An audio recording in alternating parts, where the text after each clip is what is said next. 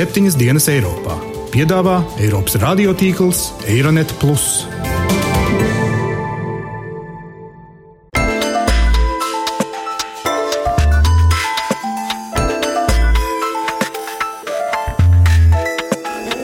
Šonadēļ septiņas dienas Eiropā dzirdēsim. Putin's appetite only grows with the eating.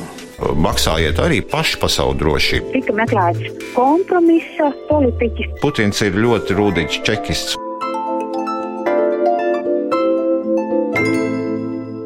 Labdien, godējumie klausītāji! Latvijas radio studijā Kārlis Streips. Jauna nedēļa, jauns septiņas dienas Eiropā, raidījums, kur stāstām par Eiropas un pasaules notikumiem un kā tie atskan tepat pie mums Latvijā. Aizgājušā nedēļa bija notikumiem bagāta. Ne tikai skolas bērni un studenti uzsāka jauno mācību gadu, bet šķiet arī pasaules valsts vīri ar jaunu sparu metās starptautisko jautājumu risināšanā.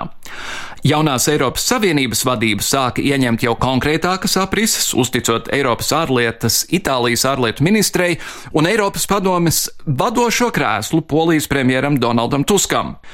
ASV prezidents Baraks Obama ieradās vizītē pie mūsu ziemeļu kaimiņiem un tur skaidri apliecināja ASV un NATO nostāju, ka Tallinas, Rīgas un Viļņas aizsargāšana ir tikpat būtiska kā Berlīnas, Parīzes un Londonas drošība. Arī Minskā sanāca Ukrainas un Krievijas pārstāvi, lai censtos pārtraukt karošanu un panākt pamieru. Par to visu jums arī stāstīsim šodien raidījumā par Eiropas Savienības jaunajām augstām amatpersonām, par ASV un Eiropas attiecībām, par NATO alianses drošības garantijām Austrum Eiropā un par risinājumu meklēšanu Ukrainas konfliktam. Bet vispirms manas kolēģis Gitas Siliņas sagatavotais pēdējās nedēļas galveno notikumu atskats.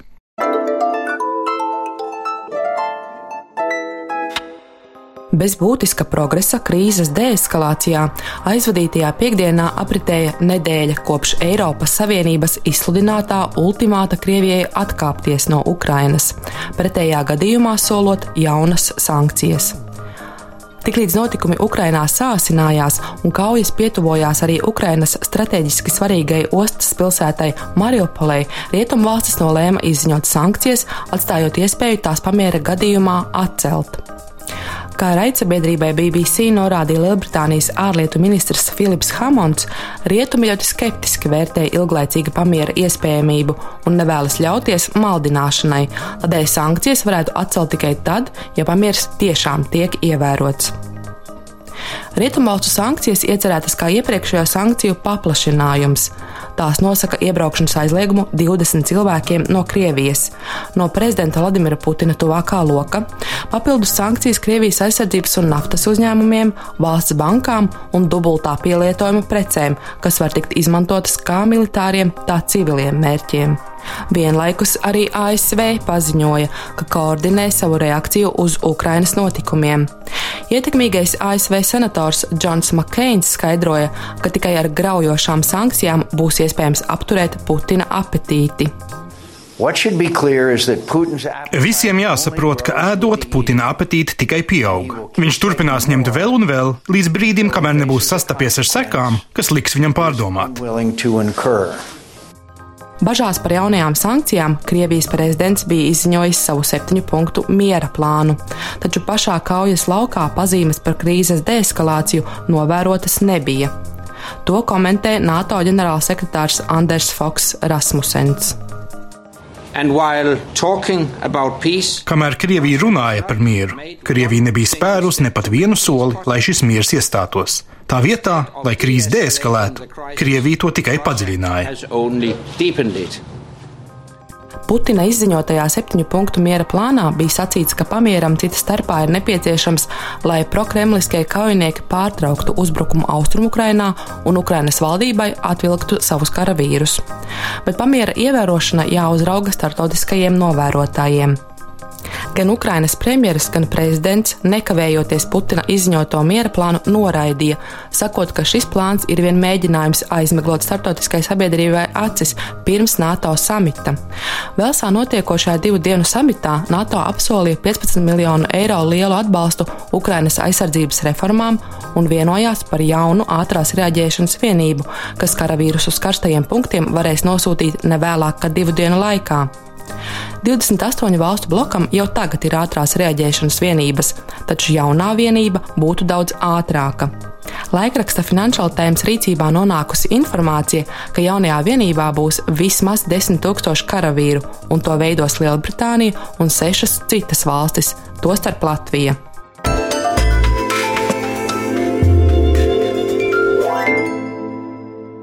Amerikas Savienoto Valstu ārlietu ministrijas oficiāli definētais ārpolitikas mērķis ir veidot un uzturēt demokrātiskāku, drošu un pārtikušu pasauli Amerikas tautas un starptautiskās sabiedrības labā.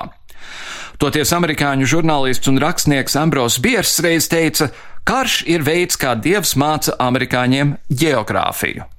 Varbūt tā arī varētu šķist, jo kopš pagājušā gadsimta vētrām Eiropā šķita jau, ka tās ir norimušas, un pēdējos gadus Amerikas ārpolitiskā uzmanība aizvien biežāk un vairāk pievērsta citiem pasaules karstajiem punktiem - tuvajiem austrumiem, Āzijai, Āfrikai. Eiropa tika uzskatīta par labu sabiedroto, kas tagad var pati tikt galā ar savām problēmām. Bet, nu, pēkšņi nevienam negaidīti Eiropa atkal ir nonākusi visu redzeslokā, un šobrīd Eiropieši kopā ar amerikāņiem atkal plecs pie pleca ir gatavi cīnīties par globālo status quo, par demokrātijas un liberālās ekonomikas arī turpmāk vadošo lomu pasaules kārtībā. Prezidents Obama savā uzrunā Tallinā teica lūk ko. Pateicoties daudzu pauģu darbam, Pateicoties tam, ka esam sen jau stāvējuši kopā vienotā aliansē, un jo cilvēki šajā kontinentā ir izkaluši tādu Eiropas Savienību, kas veltīta sadarbībai un mieram, tāpēc esam varējuši pietuvoties tai vīzijai, pēc kuras kopīgi tiecamies. Panākt, ka Eiropa ir brīva un dzīvo saticībā un mierā. Un tomēr, kamēr šodien pulcējamies šeit, zinām, ka Krievijas agresija pret Ukrainu apdraud šo vīziju.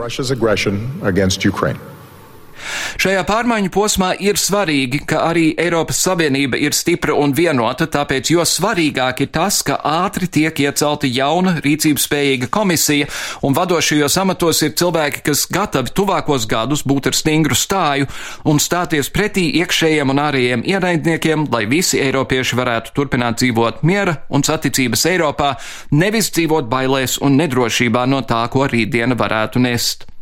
Vairāk par jaunajiem Eiropas valsts vīriem un sievām mana kolēģi Jāņa Kropa sižetā.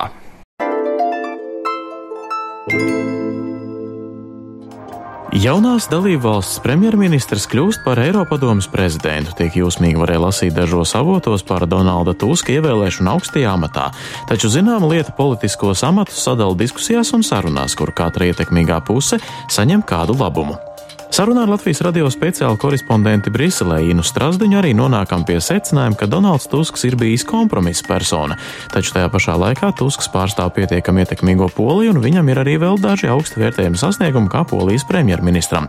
Turpina Ina Strasdiņa. Polija pirmkārt ir valsts, kurai joprojām ir labi ekonomiskie rādītāji, tai nav nekādu lielu problēmu bijis arī krīzes pīķa laikā.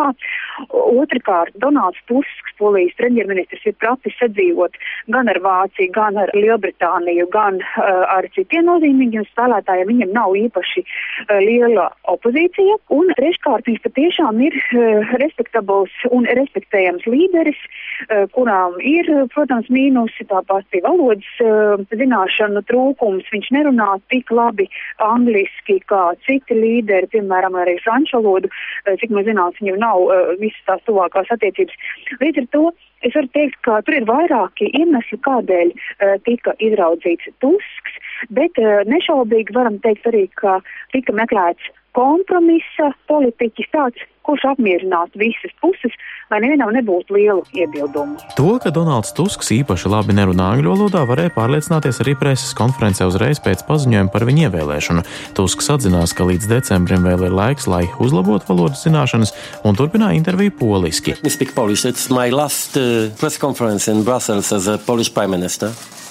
Galvenais, ka Tusks uzsvēra, ka viņš ir pārliecināts Eiropas vienotības atbalstītājs, kurš apzinās, ka jāmāk meklēt kompromisus un tāpat būs jācīnās ar ekonomiskiem izaicinājumiem.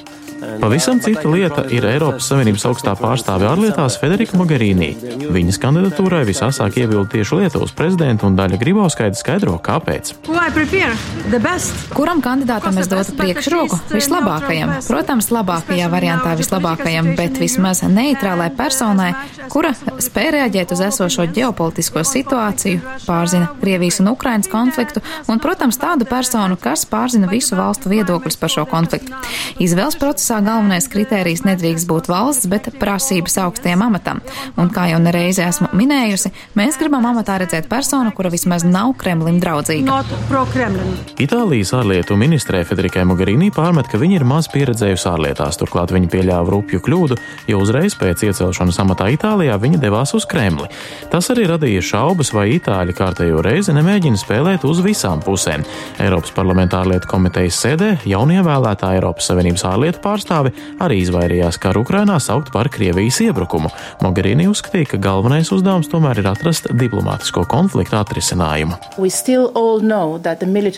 Mēs visi zinām, ka militārs risinājums nav labākais variants. Pirmkārt, pašiem ukraiņiem. Laikā, kad mēs strādājam pie sankcijām, mēs uzturam arī diplomātiskos kanālus atvērtus. Tas ir mūsu darbs - savienot šīs abas lietas. Tāpat Mogherini uzskata, ka viņas jaunība nemaz nav slikta lieta tik augstai amatpersonai. Eiropā ir vairāki par viņu jaunāki politiķi, piemēram, Federikai Mogherini ir tikai 41 gads, bet augstā pārstāvā ārlietās tāpat uzskata, ka Eiropā norisinās pārmaiņas, kad pieprasītāki kļūst tieši jaunāki politiķi. What, uh, me, uh, sort of that, uh, Mierinājumu man sniedz tas, ka ne tikai Itālijas premjerministrs ir jaunāks par mani, bet arī vēl citi premjeri un Eiropas Savienības līderi. Kā jau teicu iepriekš, tā ir jaunā Eiropas līdera paudze paudze. Tas ir ļoti labi, ka šī jaunā paudze tiek pārstāvēta Eiropas Savienības institūcijās, jo mums ir jārēģē uz visas Eiropas un tās iedzīvotāju vēlmēm. To, kā arī Mogherini ir kompromisa persona, atzīst Ina Strasdeņa Baltijas valstīm, kur tieši Lietuva cēla vislielāko traci, tomēr ir izdevīgāk, ja amatā ir Tusks, nekā ka amatā nav Mogherini. Turpina Ina Strasdeņa. Par Mogherini, protams, šķēpi tika lausti krietni skaļāk un vairāk nekā par Tusku, jo, ja mēs atceramies, jau vēl pirms vasaras brīvdienām Briselē e, jūlijā notika lielais samits, kurā vajadzēja faktiski izšķirties par Mogherini.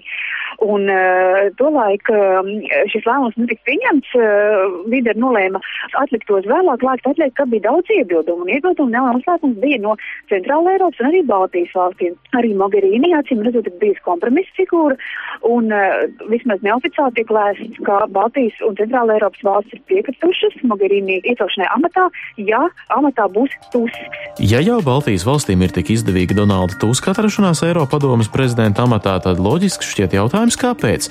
Ines Trasdeņa uzsver, galvenais, ka Donalds Tusks izprot mūsu kopējo vēsturu un arī austrumu politikas īpatnības īpaši attiecībās ar Krieviju. Tāpat Tusks savulaik bija aktīvs strādnieku kustības solidaritāte aktīvists, kuram nav jāskaidro, cik svarīgi ir demokrātija un Eiropas vērtības. Paredzams, ka viņa pieredze, domāšanas veids un uzskati palīdzēs. Svarīgi, ka šajā amatā ir cilvēks, kurš saprot, kas notiek un kurš varētu uz notiekošo arī reaģēt. Papildus vēl Tuskam piemīt īsta politiķa tvēriens. Viņš nerada bažas par mugurkaula nesamību un lokanību citu priekšā. Piemēram, kāda augsta līmeņa sarunās Maskavā tas varētu būt pat ļoti izšķiroši. Ja raudzīties no Baltijas valstu interesēm, tad laikam tomēr ir vairāk plusu nekā mīnusu, ka Donalds Tusks ieņem Eiropadomas prezidenta amatu.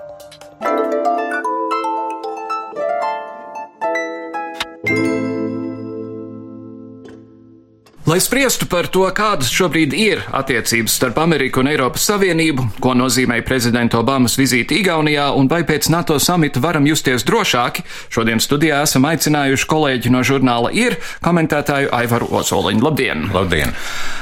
Jūs reiz zaudējāt savu neatkarību ar NATO, jūs nekad to vairs nezaudēsiet. Šādus vārdus Amerikas prezidents Obama teica Igaunijā pagājušajā nedēļā, un man kaut kā liekas, ka nekas iedrošinošāks nav dzirdēts no amerikāņiem. Tā bija ļoti laba runa. Prezidents pateica pašu galveno, ka šīs valstis un mūsu galvaspilsētas ir tikpat svarīgas kā Londona vai Parīze, vismaz amerikāņi noteikti to aizstāvēs tikpat nopietni kā citus savus sabiedrotos. Un es domāju, ka tas ir svarīgākais, ko prezidents tik īsā vizītē varēja pateikt.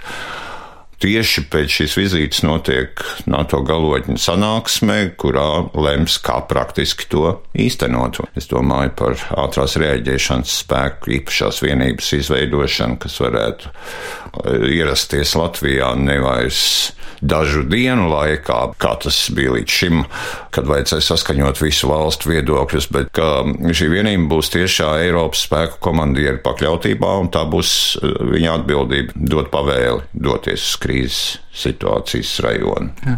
Prezidenta uzruna arī bija diezgan simboliska. Viņš piesauca Baltijas ceļu, sakot, ka tas bija lielisks piemērs par to, ko tautas var darīt. Viņš citēja kādu igauņu dzinieku. Viņam ir labi runu rakstītāji, acīm redzot. O, es esmu pilnīgi pārliecināts, ka Baltajā namā un valsts departamentā cilvēki ļoti labi zina vietējos apstākļus un gan mūsu vēsturi. Nu, galu galā šī jau nav pirmā vizīte. ASV prezidenta vizīte šeit bijis gan Bušs, gan Klintons. Klintons šajā pasaules daļā ASV prezidenti pēdējo 20 gadu laikā ir viesojušies daudz vairāk nekā gandrīz vai jebkur citur Eiropā. Nemaz nerunājot par pasauli. Nu, jā, nerunājot par pasauli, kurā ir ļoti daudz valstu, kurās ASV prezidenti nekad nav bijuši. Mm -hmm. nu, no vienas puses mēs varam būt gandarīti par to, ka mums ar ASV ir tik labas attiecības, no otras puses tas parāda tomēr arī to bažu līmeni, kas ir uh, Vašingtonā, acīm redzot, jo tāpat vieni jau nebrauktu vienkārši, lai papļāpātu. Acīm redzot, ir nopietni iemesli, un mēs visi ļoti labi zinām, kādi ir šie nopietnie iemesli, proti Krievijas intervences agresija Ukrainā, nemitīgie scenāriji, kā tas varētu līdzīgi atkārtoties arī Latvijā kā es nesen būdams Vašingtonā dzirdēju, sarkano līniju gar mūsu valstu austrumu robežu NATO samitā novilks daudz, daudz treknāku. Bet Tas nozīmēs arī, ka daudz vairāk būs apdraudētas valstis, kuras nav NATO šajā reģionā, uz austrumiem no Ukrainas. Mm -hmm. Tā. Nu, mēs jau dzirdam, pa Kazahiju jau Putins Jā. ir izteicies, ka, ka tā, vispār nav, ne, tā vispār nav valsts. Mm. Tur vienkārši tāds prezidents, kurš labi to visu vada, bet tā vēl neesot valsts. Un tagad tur notiek militāras mācības pie Kazahijas robežām. Baltkrievijas saimniekam arī ir vērts uztraukties pašlaik, jo gal galā, no kuras tad, tad ir tās Krievas zemes, kuras Putins apvienos Ukrainu, Baltkrieviju, nu tagad viņš grib Kazahijas austrums vēl. Un vēl, un vēl, un vēl, un vēl. Pagājušajā nedēļā man bija iespēja piedalīties vienā raidījumā BBC, kur centrālais jautājums, kas britu žurnālistam bija, bija lūk kāds. Vai Latvija un Lietuva ir pelnījušas NATO aizsardzību laikā, kad viņas nemaksā savu biedru maksu, kā viņš to teica, runādams par aizsardzības budžetu kā procentu no GDP? Jautājums, protams, ir uzstādīts ļoti asi, vai pelnījušas aizsardzību, jo līgums jau garantē aizsardzību visām valstīm, vienādu aizsardzību visām 28 dalību valstīm. Bet tas nav tikai brīdis žurnālists, kur tu pieminēji, kas šādu jautājumu uzdod, kā mēs zinām, nesen Applebauma uzrakstīja līdzīgu komentāru arī, un mēs zinām, ka Applebaums vīrs ir polijas ārlietu ministrs Sikorskis. Tā kā acīm redzot šādas diskusijas kaut kur dziļi kuluāros notiek. Tas ir ļoti satraucošs signāls, protams, jo NATO vienmēr ir bijusi vienlīdzīgu attiecību organizācija, neatkarīgi no valstu lieluma vai citiem apstākļiem. Bet, eh, starp citu, Der atgādināt, ka līdzīgus mājienus jau Obama deva jūnijā, kad viņš viesojas Varšavā. Viņš teica Eiropiešiem, viņš neminēja konkrētas valstis, viņš teica Eiropiešiem, ja jūs gribat būt līdzvērtīgi partneri, tad es pārfrāzēju, pašlaik tas mm -hmm. nav mhm. citāts. Uh, tad, tad lūdzu, maksājiet arī paši par savu drošību. Mēs nevaram pa jums visiem samaksāt. Jo pat labi, Amerika finansē 75% no, no visa NATO. No visa NATO budžeta. Tieši tā, amerikāņi maksā pa visu. Viņiem ir izdevumi aizsardzībai ir tuvu 4%, 3,5 neatceros precīzi, 3,5 apmēram procenti no IKP. Mēs jūtamies visvairāk apdraudēti, un mums ir 0,9% mm. no IKP. Es nezinu, nu te jārunā par mūsu politiķu atbildību vai drīzāk bezatbildību. Ja tu atceries pirmajā lasījumā to aizsardzības finansēšanas likumu pieņēma Tur vienkārši bija ierakstīts līdz 2020. gadam palielināt līdz 2% no IKP, ņemot vērā budžeta iespējas. Jā. Nu, tas bija pilnīgi bezatbildīgi. Un to atceries, ar kādu sajūsmu valdošās koalīcijas politiķi teica, redz, kā mēs tagad pildīsim. Ja? Tas bija katastrofāli. Nu, pat ņemot vērā situāciju Ukrainā, pat ņemot vērā uh, draudus, kuri dažādos līmeņos izteikti, ka Latvija varētu būt nākamā vai Baltijas valstis nākamās, mūsu politiķiem svarīgāk ir, kā palielināt pensijas, tur dažas algas tur pielikt pirms, jo vēlēšanas tuvojas. Mm -hmm. Un šis jautājums pa kuru it kā vēl pirms pāris mēnešiem nerunāja kā pa galveno NATO samitā, pašlaik ir kļuvis par vienu no galvenajiem. Vismaz mums, no mūsu viedokļa skatoties, ir divi galvenie jautājumi. Viens par šiem ātrās rēģēšanas spēkiem un mūsu NATO bāžu nostiprināšanu Latvijā. Otrs ir par aizsardzības finansējumu. Un šajā sakarā sājuma atnāca no, es atvainojos, atvaļinājuma. Pirmā plenāra sēde atrada laiku spriest par enerģijas dzērieniem, par to, vai varbūt vajadzētu aizliegt pīpēšanu līdz 21 gadam. Ne vārda, cik es varēju redzēt, darba kārtībā vismaz jautājums par aizsardzību nebija vispār. Nu, nē, nu, es nedomāju, ka katrā darba saimnes sēdes darba kārtībā vajadzētu būt jautājumam par aizsardzību. Nu, gal galā arī par enerģijas dzērieniem un un, un, un pīpēšana ir jāspriež. Galu galā dzīve jau neapstājas tikai tāpēc, ka Putins piedraud kaut ko izdarīt. Starp citu, mūs gan NATO, gan Vašingtonā tagad min kā piemēru, kā vajadzētu rīkoties. Kā, bet, ja mēs paskatāmies uz reālajiem skaitļiem nākamgad, atbilstoši šim likumam, mūsu finansējums aizsardzībai būs 1% no IKP, proti, mm. puse no tā, kas ir nepieciešams. Kā nekā mums ir jāatmaksā starptautiskā valūtas fonda aizdevumi nākamgad? Nu, mums ir daudz, kas bijis jāatmaksā. Mums ir bijušas gan paregas, gan krājbankas, gan, gan viss pārējais, gan Unibanka, liepājas metalurga, gan viss kaut kur aizgājusi naudiņa, protams, ar kuru būtu pieticis, varētu tanku divīziju aprīkot droši vien savu. Ja mums tāda būtu vajadzīga. Ja mums būtu vajadzīga, acīm redzot, mums nav vajadzīga. Poļi gan uzskata, ka viņiem ir vajadzīgas. Viņiem ir 600 tanki, un viņi nopietni gatavojas arī vienkārši parastajai kara darbībai. Jā, Polijai laikam tā vēsturiskā pieredze. Polija gandrīz ir plosīta vairāk nekā Baltijas valstis. Mums te bija divas okupācijas. Polija ir raustīta šurpu turpu gadu simtiem, gadu simtiem, gadu simtiem. Un vienmēr karojusi. Un vienmēr karojusi, jā. jā. Uh, retorika no Krievijas ir kļuvusi gan bargāka, gan dīvaināka. Putins parādījās būtībā tukšā telpā, lai paziņotu, ka kamēr viņš lidoja uz Mongoliju, viņš izdomāja miera plānu Ukrainai, kas mm -hmm. pietiekami dīvaini. Mm -hmm. uh, viņš ir šeferam teicis, ka, ja viņš gribētu, viņš Kievu varētu ieņemt divās mm -hmm. nedēļās, un drusku zemākā līmenī ir sāk, sākuši spriest ne pat Žirinovska tipa klauni, bet arī nopietnāki cilvēki. Varbūt izmantosim kodolieročus. Runas par kodolieročiem ir nopietnas, un šis jautājums, diemžēl, jau ir aktualizējies ne tikai tāpēc, ka Putins par to runā, par to kuluāros runā jau vismaz, es dzirdēju jau pirms mēneša, jau Vašingtonā es dzirdēju, ka tie nav nekādi draudi vai kaut kāda plāni tur, kā to izmantot, bet cilvēki tur jau rēķinās ar to, ka šis kļūst atkal par faktoru. Ja mēs atgriežamies ne gluži augstā kara, bet situācijā, kur sadūrās principā divas ideoloģijas, šoreiz vienkārši viens režīms cīnās ar jebkuriem līdzakļiem par savu izdzīvošanu un pasludinājis rietumus par savu ienaidnieku, bet tas ir kodolrežīms, un ar to vairs nevar nerēķināties, protams. Joprojām, protams, tas viedoklis ir, ka ierobežot kodolieroču izmantošanu, pa ko tur Kremlī, Maskavā, neteiksim, Kremlī daži ir izteikušies, un, jā, un daži no militāristiem arī. Tas ir blefs, vismaz rietumos uzskata, ka tas nav iespējams. Jo tas nav ierobežots. No viens mūsdienu ierocis, ja, piemēram, uzmestu bumbu uz Rīgas, kas notiktu Plaskavā, kas notiktu Sanktpēterburgā? Jā, bet ja uzmestu uz Kievu, Kas no. notiktu Minskā, kas notiktu Moldovā? Jā, nu, protams. Nē, es domāju, ka tās pagaidām nu, tas nu, tiešām ir tikai runas un spekulācijas un biedēšana. Un, uh, Putina runas par Kievas ieņemšanu arī ir lielā mērā blefošana. Un, uh, Tas, ko Krievija grib panākt, protams, izskatās, ka viņi grib panākt vēl vienu pieņestru. Vienkārši pastāvīgi vidējas spriedzes līmeņa konfliktu dienvidaustrumos, Ukrainā, koridoros, Krīmu iespējams un, un iespējas gadiem ilgi manipulēt savu divdomīgo lomu, it kā tā kā starpnieki mieru risinājumā, it kā konflikta dalībnieki.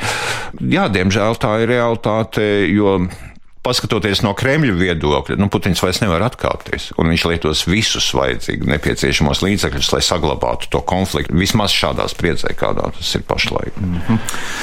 Kā tu vērtē Eiropas Savienības un plašākā nozīmē Eiropas reakciju šajā lietā? Tagad jau ir bijušas sankcijas un būs un vēl. Spries, būs un vēl. Būs vēl. Bija Malaizijas lidmašīna, drusku savilka cilvēkus kopā. Tas, ka Krievija tagad ir iegājusi Ukrainā, kā Amerikas prezidents teica, par to nav šaubu, tas ir fakts, par to nevar spriest.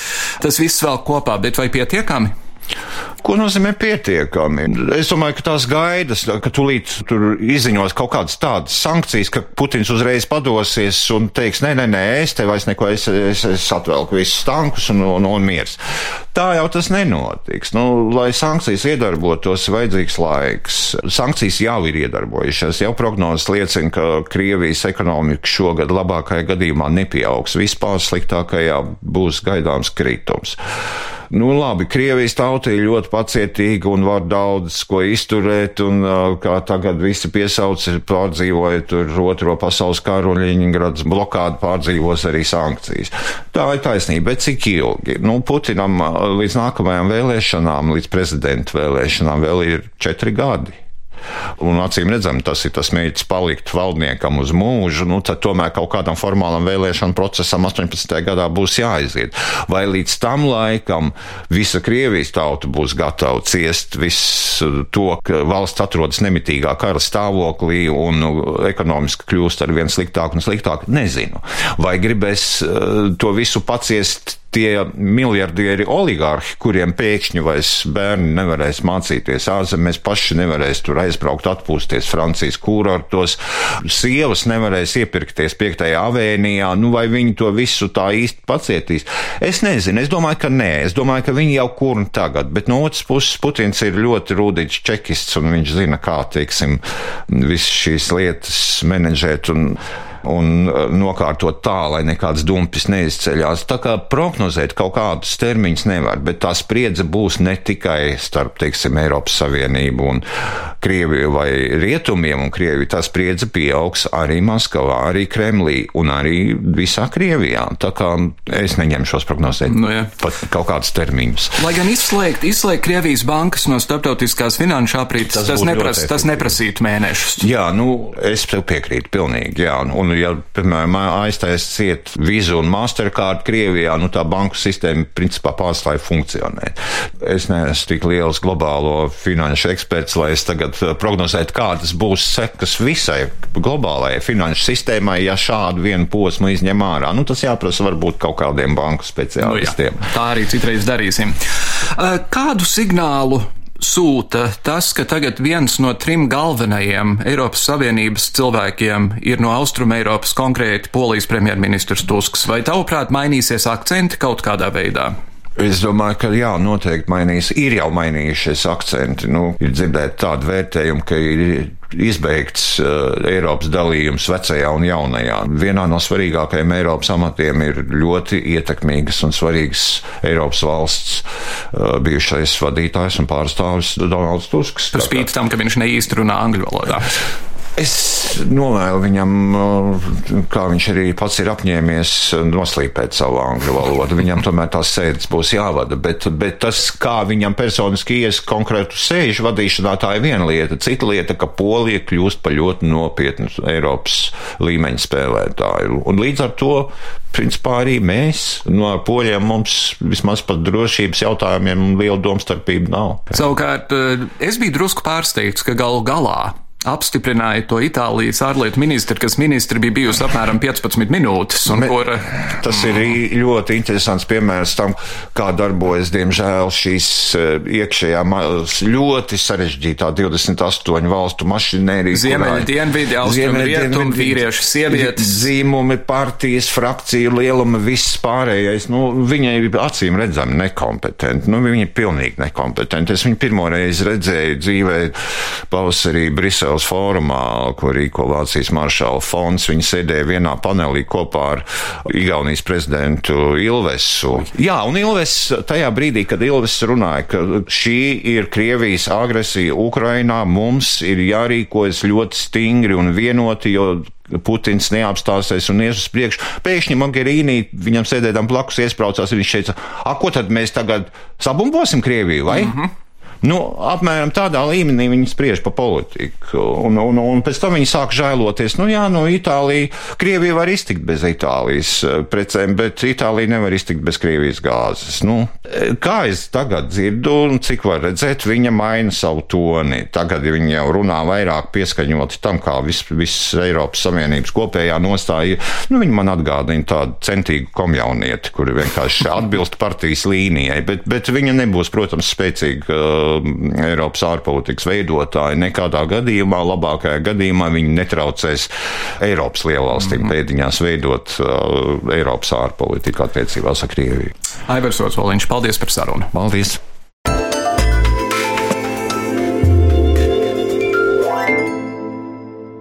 Dabas priekšā mēs visi esam sīki.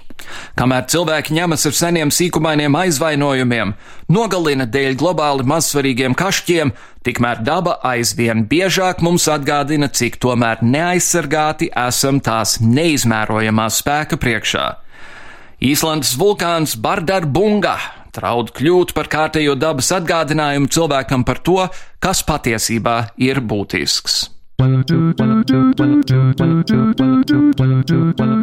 Kāds ir Īslandes vulkāna Bārdarbungas spēks zinātnieku vērtējumā, un kāds ir tā spēks salīdzinot ar iepriekšējo vulkānu izvirdumiem un dramatiskajiem notikumiem to ietekmē? Stāsta Latvijas Universitātes profesors Vitālijs Zelčs. Nu, pirmkārt, Bārdana Bungas vulkāns Viņš atrodas zem atlunā leduskupolā, Eh, literatūrā min, ka tas ir otrs augstākais zemes virsmas punkts Islandē. Un man jāsaka, ka šeit saistībā ar viņa aktivitāti pašlaik krietni ir pārspīlēta. Jo lieta ir tāda, ka eh, lavas izplūšana notiek no plaisas, ne no paša vulkāna, un šī plaisa atrodas eh, ziemeļos no Bardandungas vulkāna. Nu, pats vulkāns un arī plaisa tāda atrodas, kā jau es minēju, zem ledāja. Un eh, no plaisas tātad šeit ir jā, literatūrā dati, ka dažus simtus kubikmetrus sekundē magma tiek producēta, bet izplūst apmēram ap 100 kubikmetru sekundē.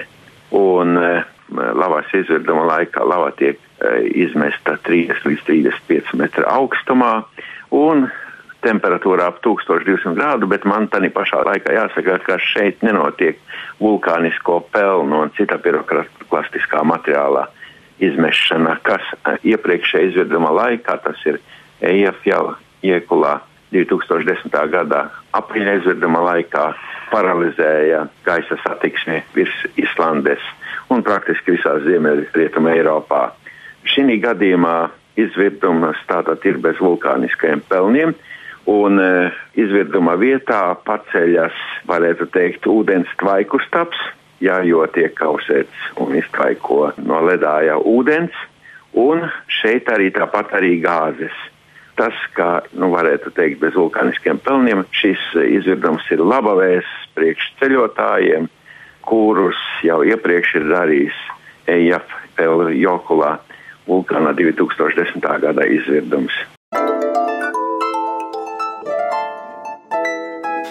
Ar to arī noslēdzam šīs nedēļas septiņas dienas Eiropā. Paldies Aivaram Ozoliņam par ļoti interesanto interviju.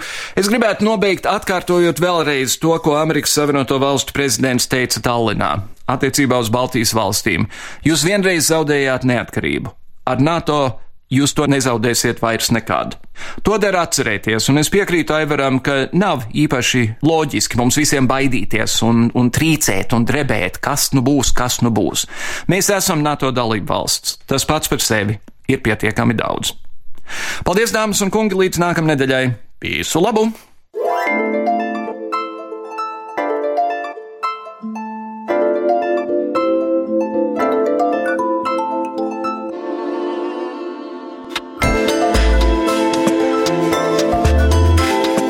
Raidījumu veido Kārlis Streips, Gita Siliņa un Jānis Krops. Producents Lukas Rozītis.